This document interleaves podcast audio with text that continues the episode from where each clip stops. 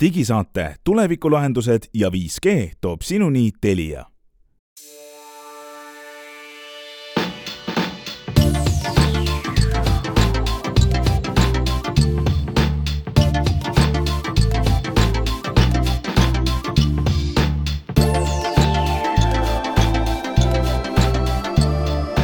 tere, head kuulajad, seitsmenda novembri nimetud digisaade on teiega ja neljaliikmeline komitee on teiega siin saates täna Hans Lõugas, Henrik Roonemaa, Meelis Väljamäe, Glen Pilvre.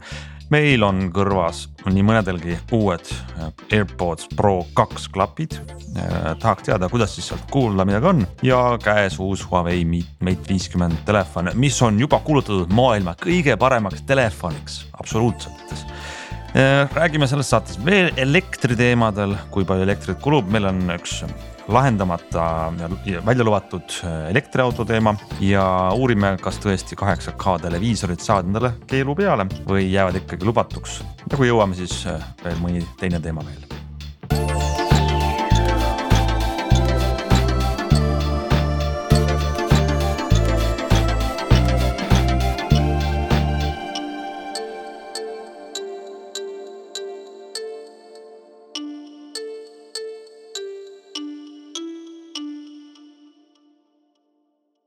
Nonii, alustame siis saadet ähm, esimeste uudistega, mis me, ma saan aru, et Starlinki internetiühendusele on pandud äh, piirangud või tulemas on piirangud. Starlinkist me oleme siin saates ju mitu korda rääkinud, oleme siin rääkinud Eesti kasutajatega, kes on väga rõõmsad ja oleme rääkinud Eesti operaatoritega, kes ütlevad, et see ei ole üldse oluline ja keegi niikuinii ei huvita. ja me teame uudistest, et mõnes riigis siin Ukrainas Starlink on täiesti elulise tähtsusega. mis see mahupiirangute mõte nüüd siis täpsemalt on, kes, kes meist oskab seda lähemalt rääkida?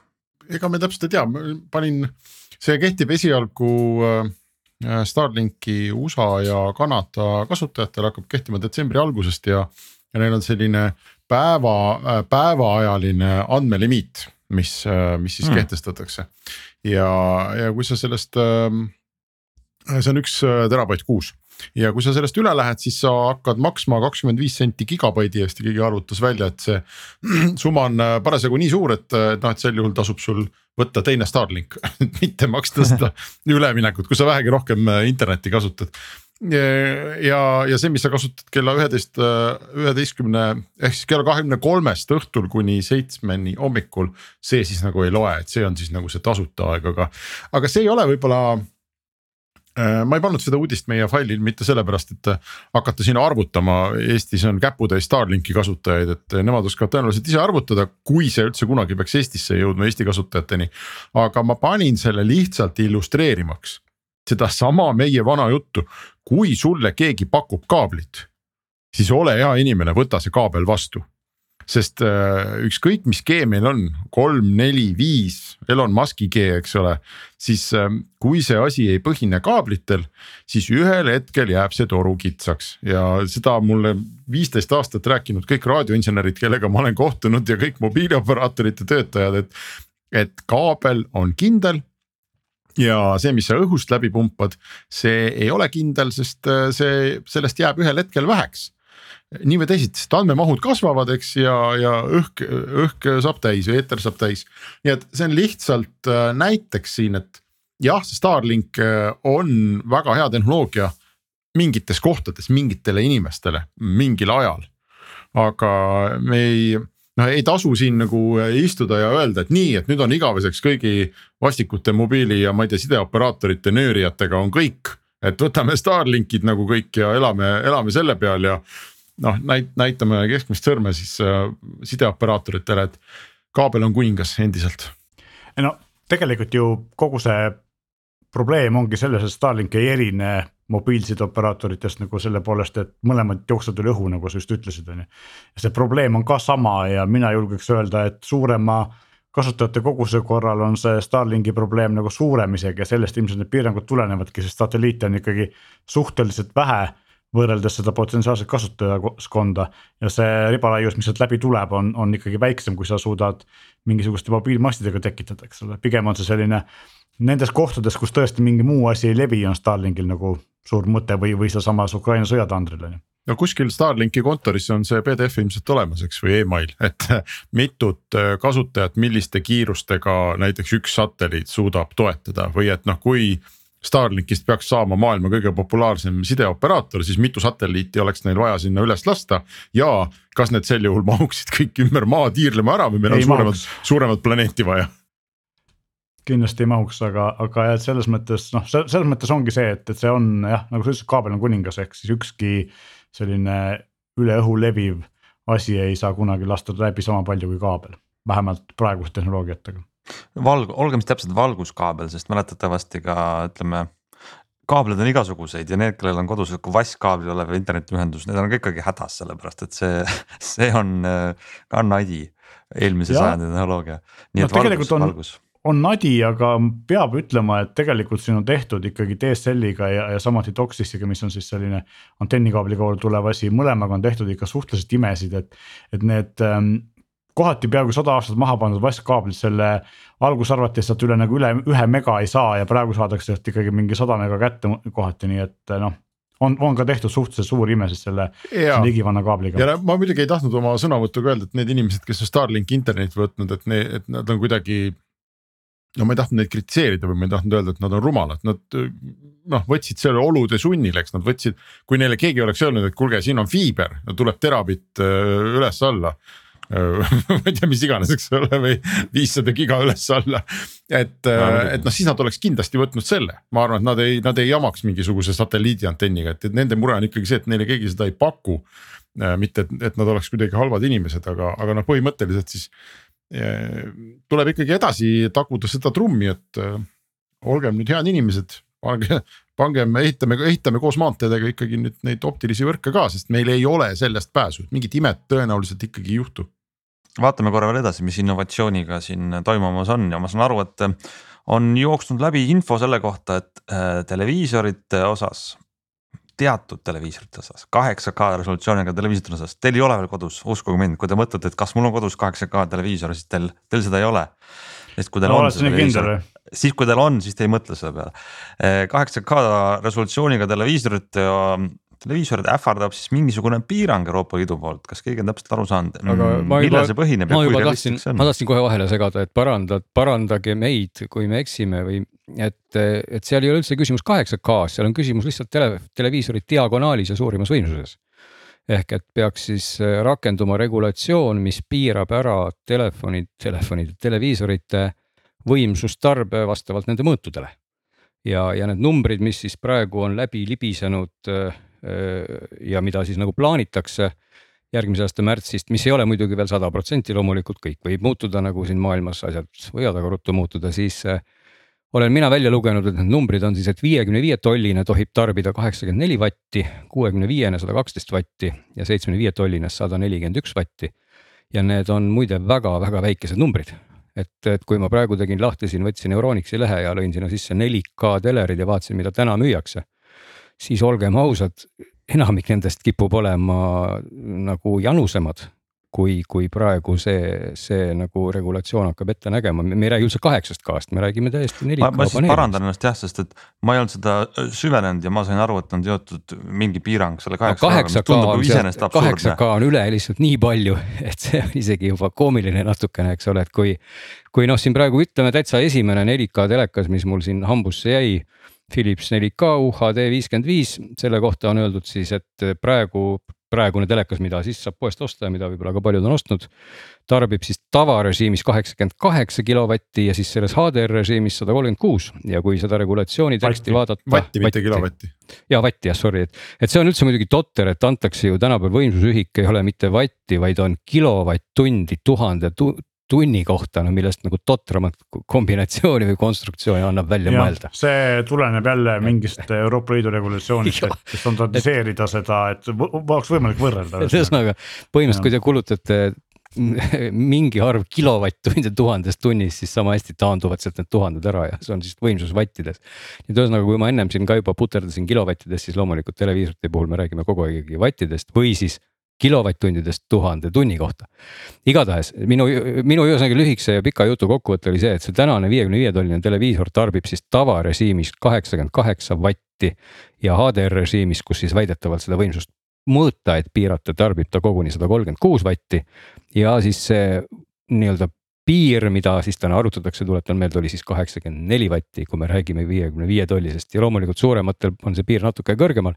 igatahes kaheksa K telerid lähevad sealt üle, noh nii palju, et siin ei ole nagu üldse mingit juttu, aga sealt lähevad ka üle paljud 4K telerid, nii et äh, ma ei oskagi nagu rohkem midagi öelda, jah, Meelis, palun ja ei, ma tegelikult äh, tahtsingi seda öelda, et üks asi on see Euroopa Liidu regulatsioon, mis võib-olla on natukene liiga agressiivne või teistpidi ajale jalgu jäänud ja on toimunud igasugused erinevad muudatused ja noh, me teame, et Euroopa Liit on hästi agressiivne oma kliimapoliitikas kohati ilma ja. põhjuseta ja me siin vaatame seda, kuidas kaks tuhat kolmkümmend viis ei tohi enam müüa siis sisepõlemismootoriga autosid, aga taristu meil ei ole võib-olla selleks valmis, eks ole, aga sellest me võime hiljem rääkida, aga teine asi on see, et Tellerit on ka ju see, et äh, tellerid on läinud ühtepidi hästi palju efektiivsemaks, võib-olla mitte nii palju, kui see Euroopa Liit ette näeb.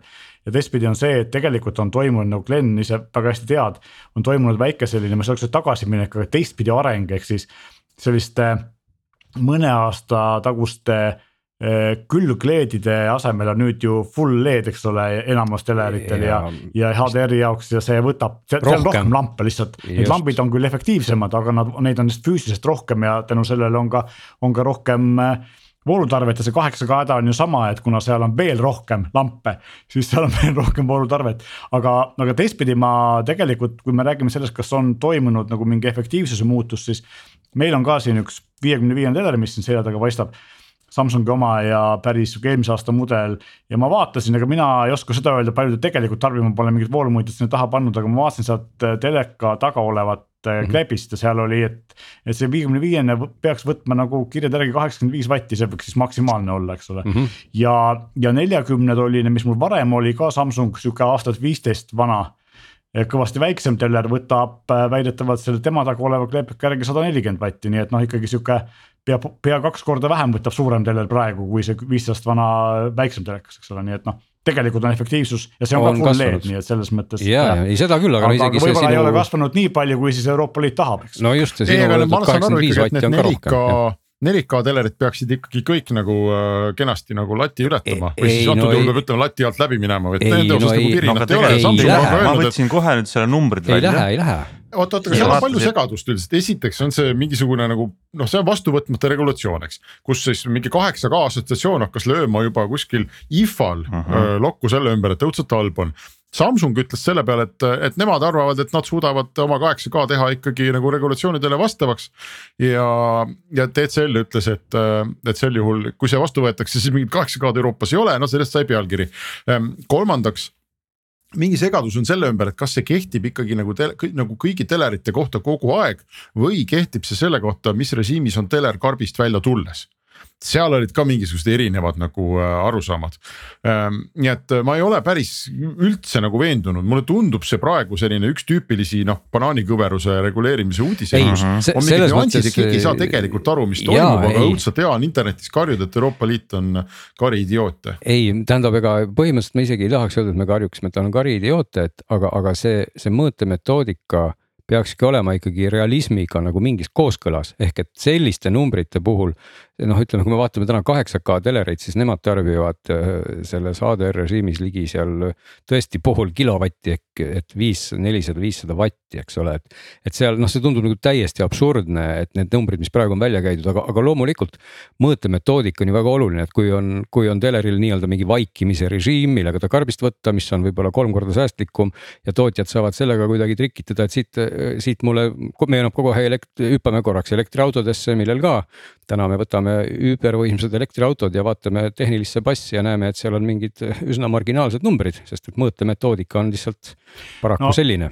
tegelikult äh, jah, siin on ju ka see asi, et, et see kehtib piikvõimsusel, ehk siis samamoodi mm -hmm. kui mhm. see tuleb see HDR-isse, ma ei tea, mingisugune eriti ereda päikseline laks, siis äh, läheb see viiesaja vati peale kolmeks sekundiks ja ülejäänud kolm tundi on ta kakskümmend vatti, eks ole, või. või, või samamoodi on siin näiteks videokaartide puhul, mis kõige võimsamad videokaardid, eks ole, võtavad sinna, vajavad tuhande kahesaja vatist toiteplokki selleks, et et ennast ära toita nagu tippvõimsusega, aga tegelikult, kui sa mängu ei mängi ja see arvuti sul niisama seisab ja sa oled kirjutanud Wordis dokumenti, siis. see toitjaplokk töötab sul viie vati pealt, eks ole, kaasa arvatud selle võimsa videokaardiga, et. et Jaa. tegelikult see on ikkagi nagu nii-öelda tippjuhtumid ja neid sa päriselus väga tihti ei näe ja selline üldine. voolutarve on see teleril ikkagi väiksem, eks ole. ja, ja ei noh, muidugi, aga siin natukene ka sellist, ma ütlen, võib-olla sellist imaginaarset äh, või fiktiivset, mis iganes terminit, terminit kasutada. ohumärki ma nagu natuke näen, et kui me hakkame piirama igasuguseid selliseid võimsusi nagu planeedi huvides, mis on väga aatiline tegevus. siis üsna libe on see nõll selles mõttes, et me võime ju piirata lõpuks, ma ei tea, kasvõi automootori võimsuseid või, või kodus elektriradiaatori võimsuseid või aga muide, noh. ma võin teile rääkida loo, kuidas ma ostsin, kunas see siis oli, kümme aastat tagasi Meelise käest äh, Miele tolmuimeja, väga hea tolmuimeja. ja tean seda, et ma ei tea küll seda lugu, aga ma arvan, ma tean, kuhu sa sihid. nii, ja siis ühel hetkel see läks katki ja, ja, ja siis ma läksin poodi ja mõtlesin, et ma ostan nüüd äh, samasuguse Miele, sest mul sa kõik need jubinad olemas ja ma sain poole nõrgema. saidki, see oli, see oli mingid aastad tagasi jah, kui vist, kui Meelis äkki aga sa ma tead küsin täpsemalt, et, ma millal see küsin muutus su. käest niimoodi siis, et, et kas see oli poole nõrgem numbrite poolest või ta imes ka poole vähem? ei, ta imes täpselt sama hästi, aga voolu võttis poole vähem. et mina tahan seda öelda, et, et sellest tegelikult oli äh, Kasu. samasugune paanika nagu praegusel telerite ümber, kui tuli Euroopa Liit ja, ja keelas ära võimsate tolmuimejate tegemise mis juhtus, juhtus see, et kõik tolmuimetootjad võtsid jalad tagumiku alt välja ja hakkasid päriselt innovatsiooni tegema. Ehk siis need, minul on ka kapis üks äh, Tehvali tolmuimeja, mis on äh, no vist kaheksasada vatti ja ta võtab, tõmbab paremini kui mõni kahe tuhande viiesaja vatine omal ajal tõmbas, nii et selles mõttes tegelikult eh, tehtigi seda, et asjad läksidki efektiivsemaks, tõsi eh,. üks negatiivne külg on see, et nad läksid ka natuke kallimaks, sest et noh, oli vaja lihtsalt kasutada kallimaid materjale, teha paremaid mootoreid, eks ole, nii edasi, aga.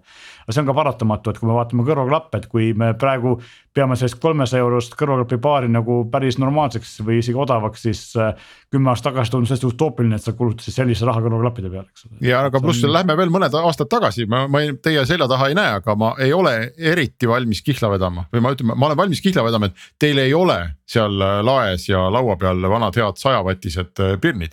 see oli ka tohutu paanika, eks ole, kui neid No, hakati äh, koomale tõmbama, et noh, issand jumal, kuidas inimestel on ladudes veel need.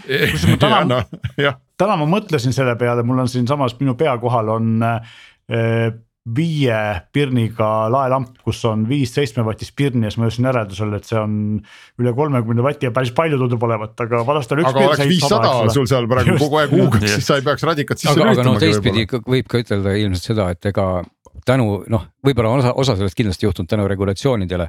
aga kui tänaste elektrihindadega on sul laual piltlikult öeldes valik, kas sa ostad siis selle sajavatise pirni või ostad omale terve majatäie neid LED-e, eks ole, noh siis ilmselgelt raha paneb siin ka asjad paika, et, et. raha paneb ka selles mõttes paika, üks on see, mis on elektri hind, teine see, mis on selle pirni hind, eks ole, ja Mm. kuidas siis see mitme aastakümnega või aasta või mitme kuuga sul see vahe ära tasub, eks ole. Ja ei seda kui see pirn on piisavalt odav, siis tasub see osta, kui ta on piisavalt kallis, siis ei tasu osta, eks. aga see on nüüd täpselt sama arutelu et- nagu on, ma kuulan äh, erinevaid mingeid podcaster eid ja, ja, ja loen äh, uudiseid, et. et kes, kes virisevad selle üle, et Euroopa Liit kohustab Apple'it äh, telefonide pealt seda lightning kaablit ära äh, noh kaotama ja, ja kõik nad eranditult räägivad, see on selline ameeriklaste lähenemine, nad kõik räägivad sama juttu. A neile väga meeldib et iPhone saab USB-C, sest keegi ei taha seda lightning kaablit. B neile üldse ei meeldi, et mingi loll valitsus kohustab seda tegema, vaid tegelikult nad ütlevad, peaks ikkagi ootama, kuni turg paneb asjad paika ja kui Apple jõuab ise nii kaugele, et see USB-C panna. ja mitte keegi ja mitte just ja mitte mm. -hmm. keegi ei räägi sellest, et kui Euroopa Liit ei oleks nõudnud seda lightning ut eks ja, ja, ja, ja USB on ju standard, siis Apple kasseeriks oma lightning kaablite pealt oma monopoolset äh, mingit litsentsitasu, mida ta võtab. Igavesti. miks pagana Jah. pärast nad peaksid sealt ära minema, nad müüvad aastas mingi kakssada midagi miljonit iPhone'i. Ja, ja, ja nüüd ütleme, et nad äh, noh, oma, oma, oma nagu monopoolse staatuse vabatahtlikult peaks mingisugustele Hiina kaablitegijatele andma, no mitte mingil juhul.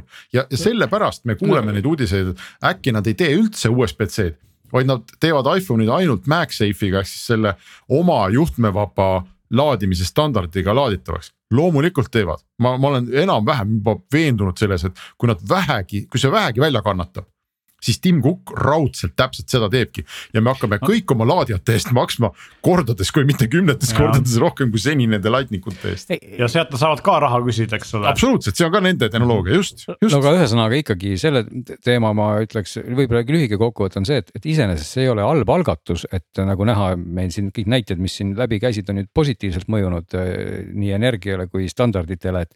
aga lihtsalt teistpidi peab olema see ka ikkagi mõistlik, eks ole, et ei, ei saa nagu tõmmata joonlauaga mingeid jooni, mis on nagu täiesti reaalsuse välised, eks ole, aga, aga, aga kooskõlas sellise trendi ja, ja säästlikkusega on see ju okei okay mõte, mida arutatakse, ma ütleks nii, või?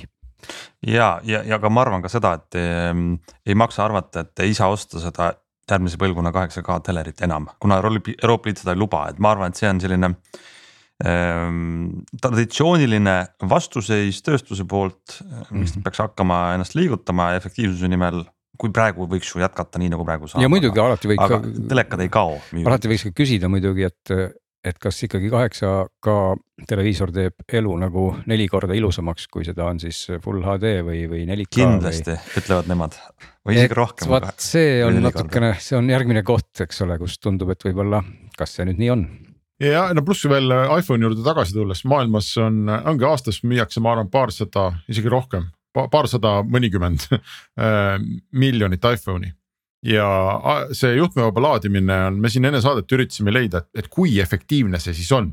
ja no need numbrid, mida me erinevatest veebiallikatest leidsime, minu teada Apple ei ole ühtegi numbrit äh, öelnud. Aga need olid, ütleme seal kuuskümmend kuni kaheksakümmend protsenti efektiivsust juhtmevabale laadimisel, ehk et kui Apple ei pane iPhone'i peale USB-C-d siis iPhone'ide laadimine, neid on mõne aasta pärast on maailmas miljard läheb hopsti kuskil noh, ütleme kuni kakskümmend protsenti energiamahukamaks tegevuseks. Et ei, ei mingit kokkuhoidu, raha hakkame rohkem maksma ja energiat kulutame ka rohkem ja sellest kakskümmend protsenti peksame lihtsalt õhku. üks iPhone võtab väga vähe elektrit aastas muide, see on üksikutes eurodes vist, aga, aga korrutame selle miljardiga. siis me juba hakkame nägema, eks ole, seda, seda mõju, nii et see, see kõik tundub väga haige mulle muide, Glen, kas sa, kas see on see koht, kus sa peaksid rääkima elektriautode laadimisest? ma mõtlesin, kas ma peaksin sellest rääkima, et, et tegelikult, äh, tegelikult ma just mõtlesin, et sellest annab kahtepidi rääkida, et annab rääkida, aga annab rääkida niipidi, et. et hästi vähe korda hästi palju, justkui võrduks hästi palju aga teistpidi on ka maailmas asju, mida on hästi palju korda hästi palju ja võrreldes nendega on hästi vähe korda hästi palju ikkagi hästi vähe wow. kuulajad õnneks saavad panna pausile ja praegu tagasi kerida ja siis seda lõiku see, kuulata üle. see oli nagu see mõttekäik, et ühesõnaga meil eelmises saates tegelikult jäi, jäime kuidagi kinni sinna elektriautode laadimise ja, ja tarbe ja kõige asjade juurde ja siis siis võtsin ka kätte ja arvutasin korraks nagu tänaste numbrite põhjal üle, nii palju kui need numbrid siis avalikud on ja tõsiseltvõetavad, et noh, keskmistega on üldse hea muidugi opereerida, sest noh, keskmine on teadagi see. et kui, kui ühes otsas keeb ja teises otsas jäätub, siis keskel on ju väga hästi, et, et selles mõttes see ei anna eriti mingit pilti, aga huvitav ikkagi, et ühesõnaga, et selle küsimuse püstitus oli see, et kui Eestis on kõik autod äkki üleöö elektrilised, mis siis ometi juhtub, et kas siis plahvatab Eestimaa või terve planeet et, et kui võtta siin nüüd aluseks sellised numbrid, et, et aastas tarbitakse, no selle, selle peab ilmselt kõik võib-olla üles kirjutama nüüd, võtma pliiatsid omale kätte. et kui aastas tarbitakse täna keskmiselt üheksa teravatt-tundi elektrit, ütleb meile statistika Eesti kohta, siis teravatt-tund teadavasti on sihuke ühik, kus on siis tuhat äh, gigavatt-tundi või siis üheksa miljonit megavatt-tundi või siis üheksa miljardit kilovatt-tundi aastas ja Eestis täna on meil hinnanguliselt äh, üheksasada viiskümmend tuhat autot. keskmiselt on Maanteeamet kusagilt teada saanud, et iga auto sõidab päevas viiskümmend üheksa kilomeetrit. nüüd, kui igaühe auto, mis sõidab viiskümmend kaheksa kilomeetrit jah, et ja kui see viiskümmend kaheksa kilomeetrit nüüd elektrisse arvutada, noh, ütleme, et suvel vähem, talvel rohkem, võtame sellise kümme kilovatt-tundi umbes võiks ta kulutada pluss-miinus see tähendab siis seda, et need üheksasada viiskümmend tuhat autot iga päev kulutaksid siis üheksa miljonit viissada tuhat kilovatt-tundi.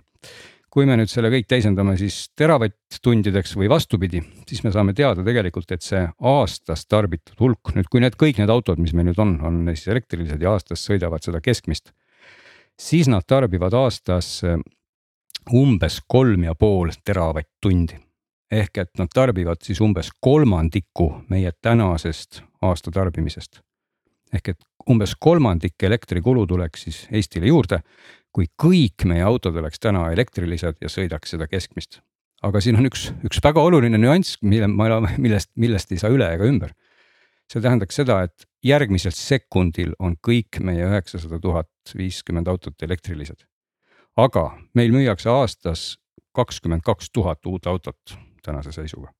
kui järgmisel aastal kõik need kakskümmend kaks tuhat uut autot oleks elektrilised, siis need kergitavad Eesti elektritarbimist vähem kui protsent. kui ka järgmine aasta oleks kõik need kakskümmend kaks tuhat uut autot elektrilised, siis juba natuke rohkem kui protsent selleks, et kõik autod jõuaks elektriliseks Eestis tänase tempoga, kulub ligi viiskümmend aastat. ehk et ehk et me jõuame tegelikult lõpuks me peame, lõpuks me peame kas A ehitama ikkagi äh, endale rohkem elektrit või B siis Jaa. ostma vähem kaheksa K telekaid, et elektritarve. ja ehk et, ehk et, ehk et seda annabki vaadata nüüd kahelt poolt, loomulikult see, kui me kõik autod oleks üleöö elektrilised, siis me tarbime kolmandiku võrra rohkem elektrit kui täna.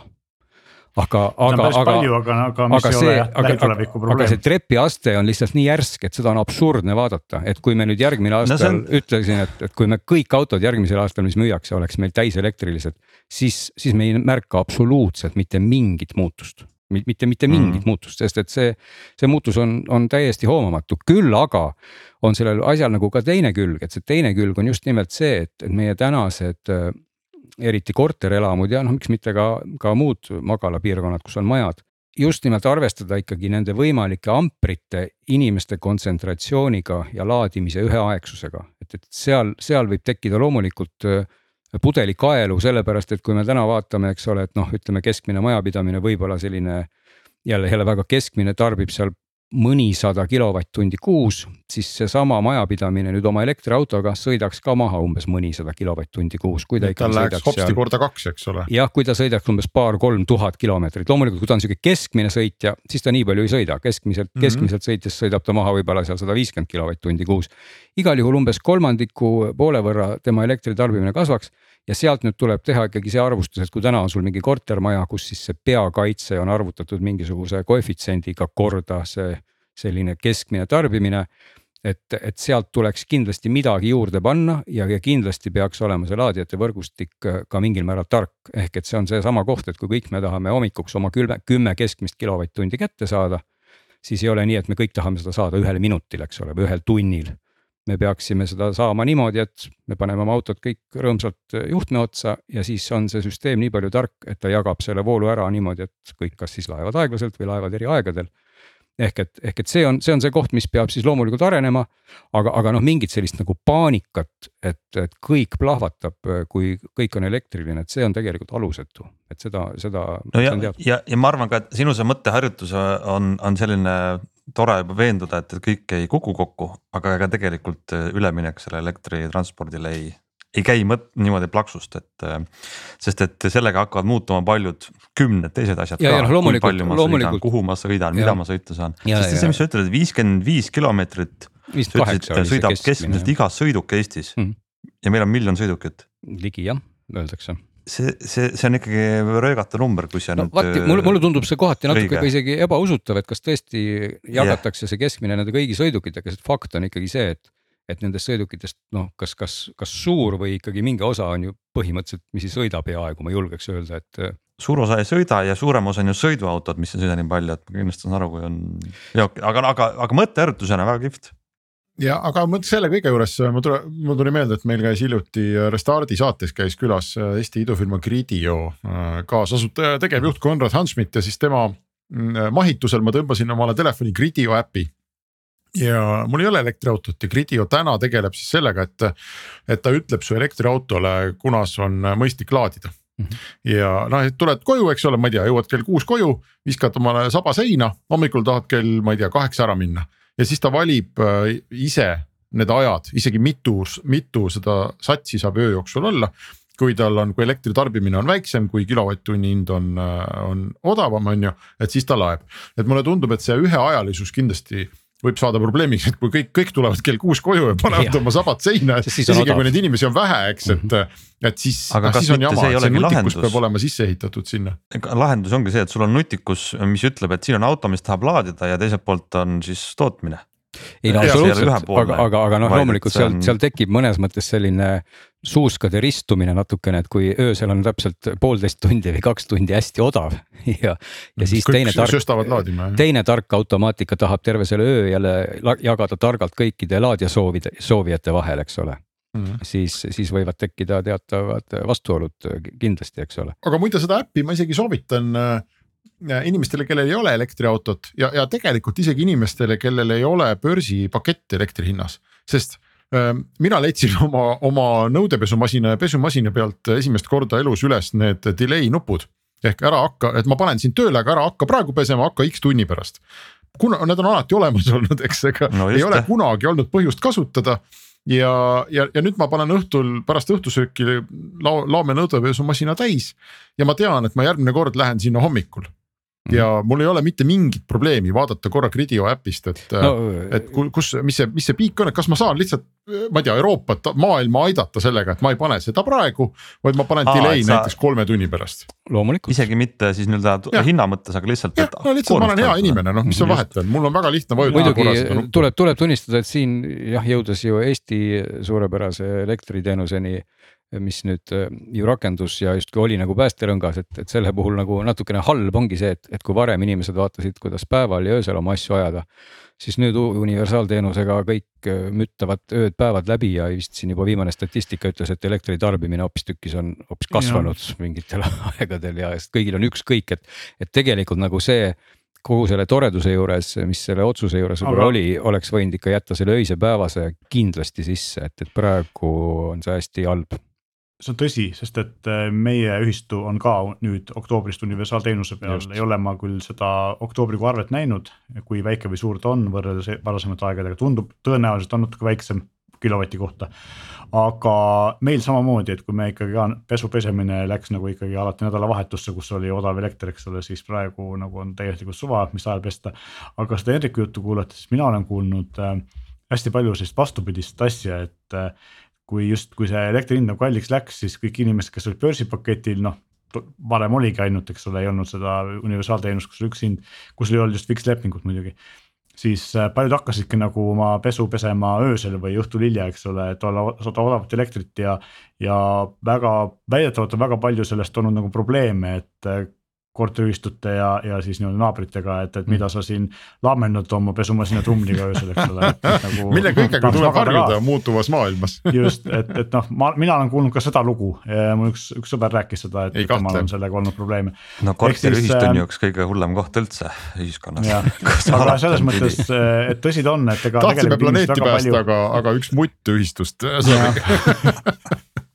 aga, aga tõsi ta on, et ega paljud inimesed ei kasuta, mina ise ka väga vähe, mul on mõlemal nii nõudepesumasin kui, kui pesumasinal on olemas see taimeri funktsioon ja ma ei ole vist neid kumbagi kordagi kasutanud. et tõmba, tõmba Gridio äpp, vaata õhtul pärast õhtusööki. ma ütleks, kas noh, vaata sellega, sellega on nagu see asi, et meil on väike korter ja avatud köök ja, ja siis, kui ma panen seal nõudepesumasina mingi kell kuus hommikul tööle, siis ma arvan, et me ärkame ehmatusega üles, mis asi Ei, nüüd toimub, kui ta hakkab sul istuma.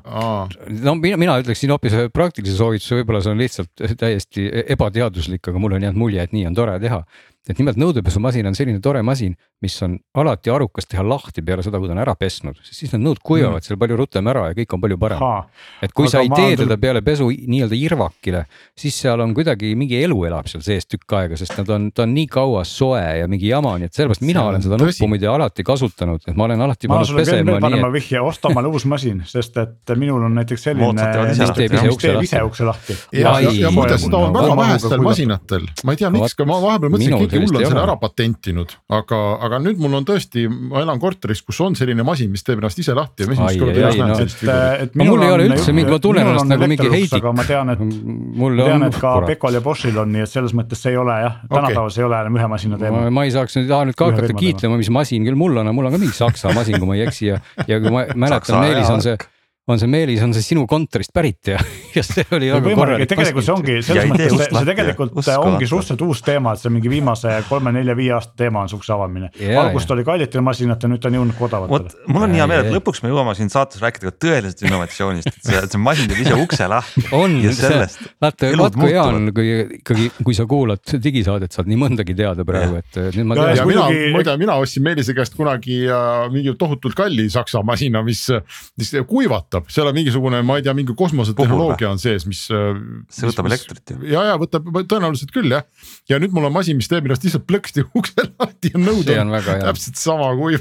siis on väga hea, siis ei pea seda nuppu aga muidugi kasutama. muidugi kõige pullim nagu alati selliste asjade juures on see, et kõik need erinevad tootjad siis on sellele ühele samale või väga sarnasele funktsioonile leidnud mingi oma keerulise ja patenteeritud nime, nii et. vot sa mõtled sellele, et uks läheb, see ei ole funktsioon, uks läheb ise lahti. noh, kellel on see e-trai ja kellel on see midagi muud, ehk siis kõigil on nagu mingisugune okay. oma nimetus, mis äh, kõlab nagu uhkelt, aga tegelikult teeb sama asja. kas, kas me võtame veel teemaks mõned asjad, et minul on siin igasuguseid me asju, jõsi, sest et pesumasinatest võiks rääkida veel mitu saadet. Ja see on, see on eluline tegelikult, mis korda läheb, aga no räägime siis äh, valgetest klotsidest. Glen juba näitas käes midagi. äh, mul on tegelikult jah ma nagu. võin, võin teile seda öelda, et jah. kui te tahate kuulata, teada seda, miks tänapäeval külmkapp hea on, siis te võite lugeda viimast digit, seal on see kirjas. et Ai, äh, ma tean, et külmana ma eeldaks no aga aga võib-olla on isegi üllatusi veel. rääkida, aga no see valge asi, siis see on, ei ole külmkapp, see AirPods on, Pro kaks jah, see on AirPods Pro kaks jah, et äh, ma ei tahagi nendest võib-olla pikalt rääkida, sest äh, nendest on ju räägitud siin ja seal ja, ja need on tõesti päris head. aga võib-olla öeldes sellise, sellise kogemuse, mis siis äh, minu kõrvad siit teada said, oli see, et, et nad ei ole kindlasti kõige paremad äh, helikvaliteedilt nööbid, mis täna ikkagi on saadaval. ja nad on nagu suhteliselt samasugused, kui ma mälu järgi ütleks, kui need, mis olid siis AirPods ühed või AirPods ühed ehk et. Pods Prod. Pods Prod jah, ehk et et Apple'ile meeldib selline soe ja natukene sume sound ehk et seal on palju sellist madalat keskmist, aga, aga see pilt muutub oluliselt äh, säravamaks ja, ja, ja õhulisemaks, kui loomulikult kuulata seda Apple'i seadmega, ilmselt enamik inimesi, kes neid klappe omale või nööpe omale ostavad, ongi iPhone'i omanikud, et vaevalt väga paljud Androidi omanikud neid ma ei ostavad. kujuta ette, miks sa peaks kasutama AirPodsi, kui sul ei ole ja, iPhone'i. ja, ja iPhone'is on ju tegelikult selline koht, võib-olla paljud iPhone'i omanikud teavad seda väga hästi, aga kui ei tea, on seda alati abiks minna ja uurida. seal peaks olema selline asi nagu, kas see oli siis headphone accommodations või sellise piduliku nimega osakond on setting utes, kus on võimalik siis sisse lülitada üks lüliti ja sealt on võimalik valida heliprofiile ja sealt äh, tuleb valida profiil balanced ja keerata see miinimumi peale. Ja vot siis läheb elu väga ilusaks. Ehk et äh, siis on need väga hea sound'iga ja, ja selle koha pealt ei ole enam mitte midagi kobiseda, et kahjuks Androidi puhul seda teha ei saa. Ja siis nad kõlavad natuke niimoodi, niimoodi tuimalt, ma ei oskagi nagu seletada, et natuke vähe on seal kõrgeid, natukene selline paksem on see kõrgem bass ja sihukest päris madalat ei ole, kui me nagu helist räägime, aga, aga ma ei tahtnud helisse kinni jääda, ma tahtsin ütelda seda ka, mis on väga hea ja see on aktiivne mürasummutus.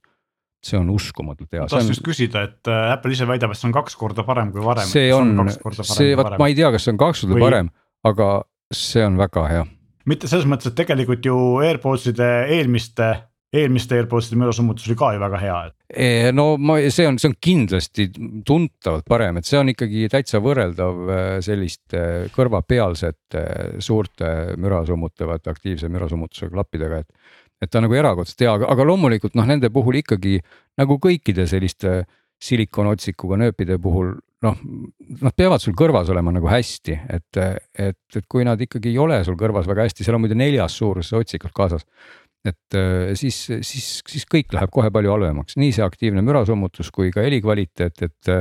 et natuke see noh, kuidagi personaalselt äh, see mind natuke kuidagi häiris, ma, ma olin nagu natuke hädas, aga samas on nad, nad on nagu väiksed ja toredad. ja mida, mis on siis sinna ka tulnud juurde, mille muidugi Apple on siis, kui tavaliselt Huawei on see, kes äh, nii-öelda vaatab, kui ägedaid asju teeb Apple ja teeb ise ka ja innoveerib, siis nüüd on olnud vastupidi, sest et Apple on nüüd oma nendele AirPodsidele siis pannud külge identse puute või, või juhtimise, nagu on siis olnud Huawei nendel nööpidel juba paar aastat, ehk et siis nende varte pealt saab muuta nüüd heli tugevust, kui sa siis sealt varre pealt libistad ja varte pealt pigistades saab ka muuta neid mürasummutusrežiime. kas see oli esim-, esimestel ka või, ma ei, ma ei mäleta muide, võib-olla ma valetan, igal juhul Huawei oli nagu esimene, kes sellega kunagi välja tuli, et, et, et see, et see toimib väga hästi põhiline muutus on ju see, et nendelt, nendelt vartel libistades saab nüüd reguleerida helitugevust, mida vanasti ei saanud ja mis minu arust oli nagu AirPodside kõige kehvem asi, et seal ei saanud helitugevust reguleerida. ja vaat see on hea, sa ütlesid, ma ei mäletanud, kas vanadel sai või ei saanud, et, et igal juhul Huawei omadel sai ja nendel nendel, nendel saab, nii et nad on nagu noh, ja muidugi noh, tulnud on siia juurde, et karbis on see kõlar, eks ole, et teda on võimalik siis kuskilt padja alt otsida Apple'i seadmega on ju ja. ja, ja, ja noh, muidu ei ole siin midagi nagu halba, et, et iPhone'iga sobituvad nad imehästi, aga, aga jah, nagu iseküsimus on ikkagi natukene, et ega nad ju väga odavad ei ole, et et siin on, siin leiab üht kui teist, mis, mis kõlab ka tegelikult väga hästi ja, ja võib-olla maksab natukene vähem, aga, aga, aga on natuke teistsugune, igal juhul äh, on ta positiivne, on see minu pikk ja segane kokkuvõte. ma käisin ka oma isiklikult kolmsada eurot nende eest välja, et äh, äh sest ma olen hästi suur AirPodside kasutaja ja minu kasutusmudel on teistsugune, ma kasutan neid peaaegu ainult selleks, et äh, õue, õues ringi jalutades kuulata podcast'e mm. -hmm. ja, sest muusikat ma ei kuula tänaval ja, ja mulle seetõttu see nende sumeheli kohutavalt meeldib. sest podcast'ide mm, -hmm. podcast'ide salvestuskvaliteet teatavasti varieerub nagu äärmiselt seinast seina, et mingid vennad teevad saadet üle telefoni ja mingid vennad teevad, eks ole, viie tuhande eurose mikrofoniga professionaalses stuudios. ja, ja kõik, mis sinna vahele jääb ja seetõttu mulle podcast'i kuulates väga meeldib, et, et mitte ükski asi, mida ma nendest klappidest kuulan, ei kõla õudselt ta tasandab need kõik ära, kõik on enam-vähem kuulatav ja samas on väga nagu arusaadav, et ei ole probleemi ka selles, et see heli oleks kuidagi mudane või ma peaks pingutama, et, et aru saada, mida räägitakse. ja, ja teine asi, miks ma üldse vahetasin, ega heli pärast mul ei olnud mingit põhjust vahetada neid äh, AirPods'e aga ma vahetasin sellesama mürasummutuse pärast ja ma pean nüüd tõesti ütlema, et kui see eelmine oli, oli hea. Noh, tänaval äh, kõndides ta ikkagi tõmbas taustamüra maha. et, et seda taustamüra oli kuulda, liiklusmüra ja kõik, mis nagu õues toimub äh,. aga nüüd uutega on see, et minu, ma lihtsalt ei kuule seda müra, see totaalne noh, okei okay,, kui sa kõnnid suure tee ääres ja autod sõidavad, siis neid on kuulda aga, aga kui sa kõnnid näiteks noh, ma ei tea, mingi jalakäijate tänaval, kus on selline sumin ja linnamelu ja. siis seda minu meelest lihtsalt ei ole kuulda, see on täiesti nagu vatiseb täiesti omaette maailmas, see on väga sür tunne. võtad need peast ära, oo, siin on teised inimesed ka kuskil. ja, ja vot kuidas nad seda saavutanud on, see on suur küsimärk ja mida hästi palju veel ju AirPodside puhul kiidetakse, on see transparency mode või see, et et ta laseb välismüra just nagu sisse selleks, et sa rongi alla ei jalutaks. ja, ja vot nendel ta peaks olema nagu erakordselt hea, kui see, kui see eelmistel oli, oli väga-väga hea, siis nüüd ta peaks olema absurdselt hea. ja neil on see uus funktsioon, et kui sul järsku, ma ei tea, kiirabi mööda sõidab või mingi selline äkiline kõvem heli on, et siis ta tõmbab seda tegelikult nagu madalamaks, et see noh, väga ei ehmata sind ära. aga ma proovisin neid tänaval ja ma saan aru, et see liiklusohutuse mõttes oleks hea neid, seda funktsiooni kasutada, aga mul ikkagi kuidagi ma, ma, ma ikkagi pidin telefonist äh, podcast'i väga palju kõvemaks panema selleks, et see transparency mode kuidagi töötaks, sest ma, ma ei, ma vaatasin, ma parem jälgin silmadega, mis toimub. nojah, vaata, kui sa kuulad tänaval, siis ilmselgelt on see, see, see oluline, et noh, mina teistpidi siin tihti kuidagi jalutama satun kuskile metsasalusse ja ja võib-olla on seal mõni konn krooksub või lind laulab ja siis on nagu hea, kui see transparency mode, noh, sa, ei ole nagu kuidagi isoleeritud, sa kuuled seal nende oravate krudistamist ka. ja see on nagu, nagu mõnus tegelikult, et, et aga loomulikult, kui mingid autod sõidavad sul kõrval, siis, siis on jah, nagu vastupidi kuhu ma ennem lausa pooleli oli see, et, et selle transparency mode'iga on sihuke asi, et äh, praktiliselt kõigil suurematel konkurentidel on sarnane asi tänapäeval olemas, aga vahe on selles, et äh, Apple'i AirPods idelt tuleb see, ta on nagu normaalne või naturaalne, et see heli ongi selline, nagu sa päris kõrvadega kuuleks, eks ole, teistel on see, et ta kipub, need mikrid ei ole ilmselt nii head, et ta kipub nagu olema moonutustega või siis liiga valju, saab küll nagu reguleerida osadel, kõigil, mitte kõigil. aga jah, et, et see transparency mode on olemas ka teistel, aga AirPods idel on see jätkuvalt kõige parem. no nii, aga mul on tunne, et siin on siis kõik öeldud, sest ma mäletan, me rääkisime AirPods Maxidest. võis olla äkki kevadel või suvel või eelmisel aastal, üks, üks aasta rääkisime, Glen, sina vist kuulasid nendega ja sa ütlesid, et AirPods Maxidel on kõige parem mürasummutus üldse, et kui muus osas võib vaielda, mürasummutuses on, on nad tugevad, siis tundub, et sama eh, trump on väikestesse Prodesse ka jõudnud jah eh,. aga lähme edasi ma saan aru, et meil on midagi veel käekatsutavatest asjadest. Glen, sa viibutasid siin ennem ühte Huawei uut telefoni, on see nii? mina pean, ma võib-olla alustan sellesama Huawei teemaga sellest, et mina käisin koos Gleniga sellel Huawei üritusel, kus nad seda uut äh, Mate viitekümmet tutvustasid ja minu jaoks on nagu noh, ma seal kohapeal olles ei, ei saanud sellest aru või, või ma ei mõelnud selle peale, nad rääkisid kõigest sellest, kui äge see telefon on ja kui head pilti see teeb ja. Aga tegelikult on, on see, et, et kõige naljakam kogu selle asja juures on see, et äh, nad suudavad müüa või vähemalt üritavad müüa siis seda üle tuhande euro või mõnes versioonis tuhat kolmsada või isegi tuhat viissada eurot maksvat telefoni Eh, millel ei ole 5G tuge, sest Huawei teatavasti ei tohi toota 5G-ga telefone. ja siis minu küsimus on see, et kes meist tahaks osta nii kallist telefoni, millel ei ole nagu mõnes mõttes tulevikku, eks ole, või, või. no ma ei tea, ma küsiks küll Meelis, et kes meist üldse tahaks mis iganes hinna eest osta telefone telefoni, mis jätab sind nagu hätta, minu meelest see ei ole nagu üldse küsimus. absoluutselt jah, eriti ja, selle raha eest. ma ei ostaks viiekümne euro eest ka seda, no võib-olla ostaks ainult pildistamiseks, kui ta tõesti nii hea on, äkki ma viitsiks kaasas kanda, aga no siis ma parem ostaks juba ikkagi päris fotoka, et. minu nagu küsimus ongi see, et ma saan aru, et see on tõenäoliselt tehniliselt väga hea toode, sest Huawei on väga osav firma. mis paganab ära, miks kas nad on nagu Monty Pythonist see rüütel, keda raiuti seal nagu jupphaaval tükkideks, siis kogu aeg ikkagi nagu võitles edasi või mis see point on, mida nad ootavad, nad tõenäoliselt, kas Nad tõenäoliselt ootavad seda, et ühel hetkel keegi kuskil sõlmib ameeriklastega kokkuleppe ja siis öeldakse, et Huawei, et te olete nagu noh, tere tulemast tagasi. ja et noh, siis nad ei ole nagu tühja koha pealt, vaid neil on mingid vahepealsed auhinnad ette näidata sa viitad Hendrik sellele, et mitte ainult 5G-le, vaid ka siis Harmony OS-ile, et, et Androidi ei ole. Aga Glen, sina siin oled erinevalt meist me nüüd rääkisime sellest, miks see Huawei telefon tekitab küsimusi, et tal ei ole ikkagi Androidi, tal ei ole 5G-d aga, aga miks ta kuulutatakse näiteks ühe saidi poolt maailma parimaks telefoniks, see on siis DXO Mark, et sina oled seda telefoni käega käes hoidnud, sa saad meie valgustada siis selle medali teist poolt, miks ta on hea no, telefon? no see konkreetne sait loomulikult äh, räägibki telefoni kaameratest. Ja no, ja, ja ta ongi siis, ta on saanud maailma maailma parima kaamera skoori jah, mis ennem oli siis Google Pixel seitsme Pro käes oli sada nelikümmend seitse ja ja Mate viiskümmend Pro sai kaks punkti juurde, nii et nüüd on siis sada nelikümmend üheksa ja kolmandal kohalt me leiame siis ühe Honori veel ja neljas on siis Apple neliteist Pro Max, millel on sada nelikümmend kuus mhm. punkti. no e esiteks ma ei tea, kas sellest siin oli juttu, kuna vahepeal ma olin tehnilisel pausil ehk et kaamera tal on tehnilises mõttes saanud ühe toreda või, või noh, vähemalt märkimisväärse uuenduse. ehk et see on esimene selline mobiilikaamera, millel saab siis sarnaselt fotoaparaadile muuta seda ava lausa kümnes astmes, et kunagi oli Samsungil võimalik ava muuta, kui ma ei eksi, kahe avaarvu vahel, siis siin telefonil on võimalik siis ava muuta juba nüüd f ühe koma neljast kuni f neljani.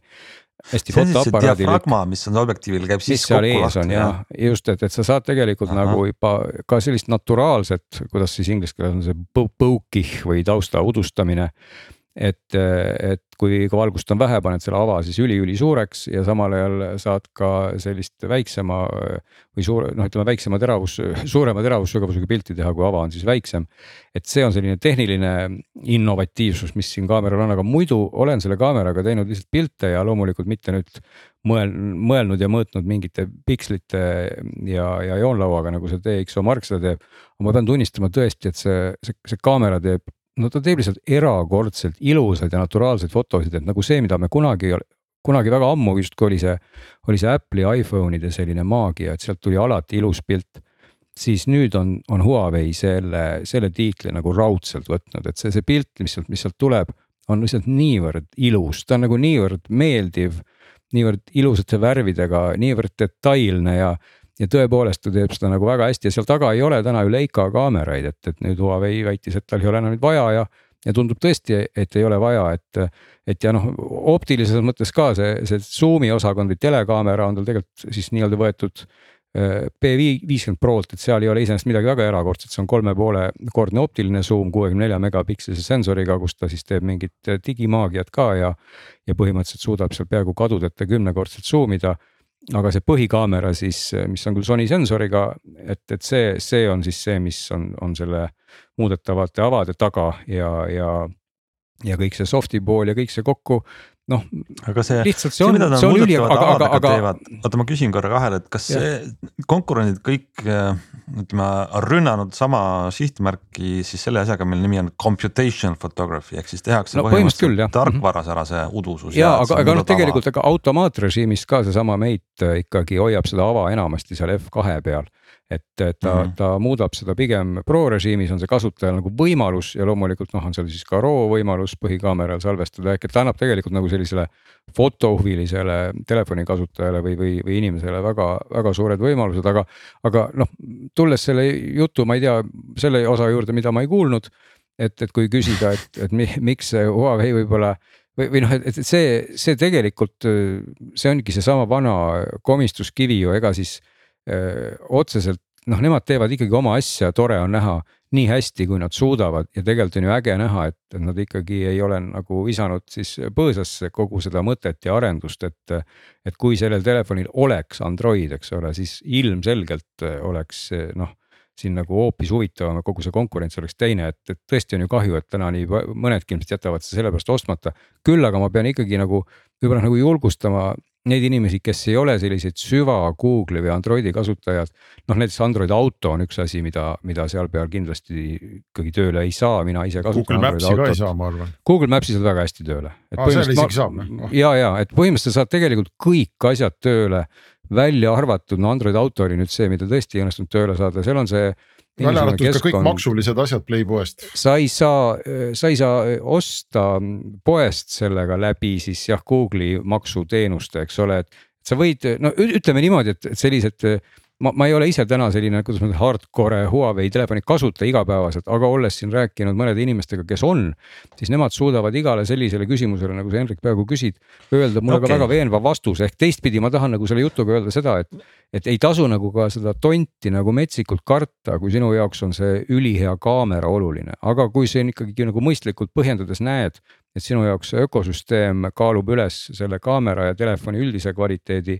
ei saa ka seda valikut nagu pahaks panna, eks ole, aga. okei okay,, see on, see on hea info, et tehniliselt on võimalik, no seda me usume, aga neid inimesi on kindlasti käputäis, kes seda tahaks teha, aga mis sinu mm. -hmm. jutust on huvitavam asi, mille ma kõrva taha panen. sinul on mulje vähemalt, et Huawei siiski veel loodab. loodab, et nad äh, saavad nii-öelda põlu alt vabaks. Huvitav selline minu tähelepanek on see, et, et nad ongi nagu vähemalt Eestis siin nagu selles mõttes tagasi, et äh, nii Elisa kui Tele2 on võtnud Mate viiekümne ja tegelikult ka odavama otsa Huawei telefonid omale valikusse, hoolimata sellest nad ei toeta 5G-d, mida vähemalt Elisa üritab nagu aktiivselt promoda.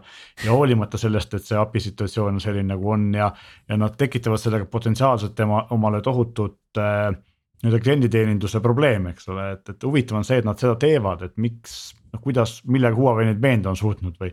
sest mingi hetk korist-, koristati kõik Huawei telefonid operaatorite poolt ära, sest et tulevik oli tume. ja nüüd on nad tagasi ja eriti nii kallite seadmetega, et see on minu no, ma arvan. Meelis operaatoreid, ma arvan, et sa oskad täpselt sama hästi öelda kui mina, et millega operaatoreid veendakse, et sa lähed, just, lähed, lähed sinna esitlusele, näitad PowerPointi, ütled, et nii palju jääb meile, nii palju jääb teile ja nii palju saate turundusraha peale ja palun müüge. Jah, mul tuleb meelde kohe see Crazy Radio sketš läbirääkimised. jah, just jah, täpselt. aga, aga, aga noh, igal juhul äh, ütleme siis äh, ma tahaks ikkagi siia lisada, et, et tõepoolest nagu tehnilises mõttes on see järjekordselt väga-väga veenev telefon ja lihtsalt minul on tõesti nagu siiralt kahju, et ma ei saa seal kasutada Android autot ja, ja veel mingeid asju meil et- kõigil et noh, sellise, sellise kõigil. kaamera huvilisena, aga, aga loomulikult need vahed täna kaamera kvaliteedis, noh, ei ole enam mäekõrgused, et ma olen neid telefone siin ju läbi aastate kogu aeg võrrelnud nii tippe, tippe kui vähem tippe ja. ja tõepoolest seal tipus ka need erinevused on ju noh, kui sa pildistadki oma, oma koeri või, või muid asju ja inimesi. siis noh, tegelikult ei ole seal väga suurt vahet lõpuks, et pilt on pilt ja sa saad selle kõik kätte, eks ole, aga, aga kui sa teed jah, selle telefoniga pildi ja teed mõne teise telefoniga pildi. sa näed küll, et see, see pilt on lihtsalt ilus, ta tuleb igal ajal ilus välja ja muidugi need, need täiendavad võimalused on ägedad, nii et. et selles mõttes kahtlemata Huawei ikkagi näitab konkurentidele ka, et, et pingutage, et näed, saab küll, et saab ikkagi veel paremini, et midagi saab teha veel rohkem ja, ja veel ägedamalt ja, ja noh, see on ju alati hea aga eks lõpuks on igaüks oma eurode üle ise peremees, otsustab, kuhu need viia, kuhu mitte viia ja selles mõttes on meil tore, turul on vabadus, need võib ju müüa. Senikaua kui ostjaid on, nii kaua seda müüakse. ma arvan, et ähm, meie tänase saate saates me ei jõua avada oma väikest üllatusmuna, mille me mässisime kokku eelmises saates, lubades välja ühest väga põnevast äh, sõidukist äh, rääkida. aga seda paremaks see üllatus kasvab järgmiseks korraks mm,. ja sellega ma arvan, võiksime tänasele saatele tõmmata joone alla, öelda aitäh kõigile kuulajatele ja osalejatele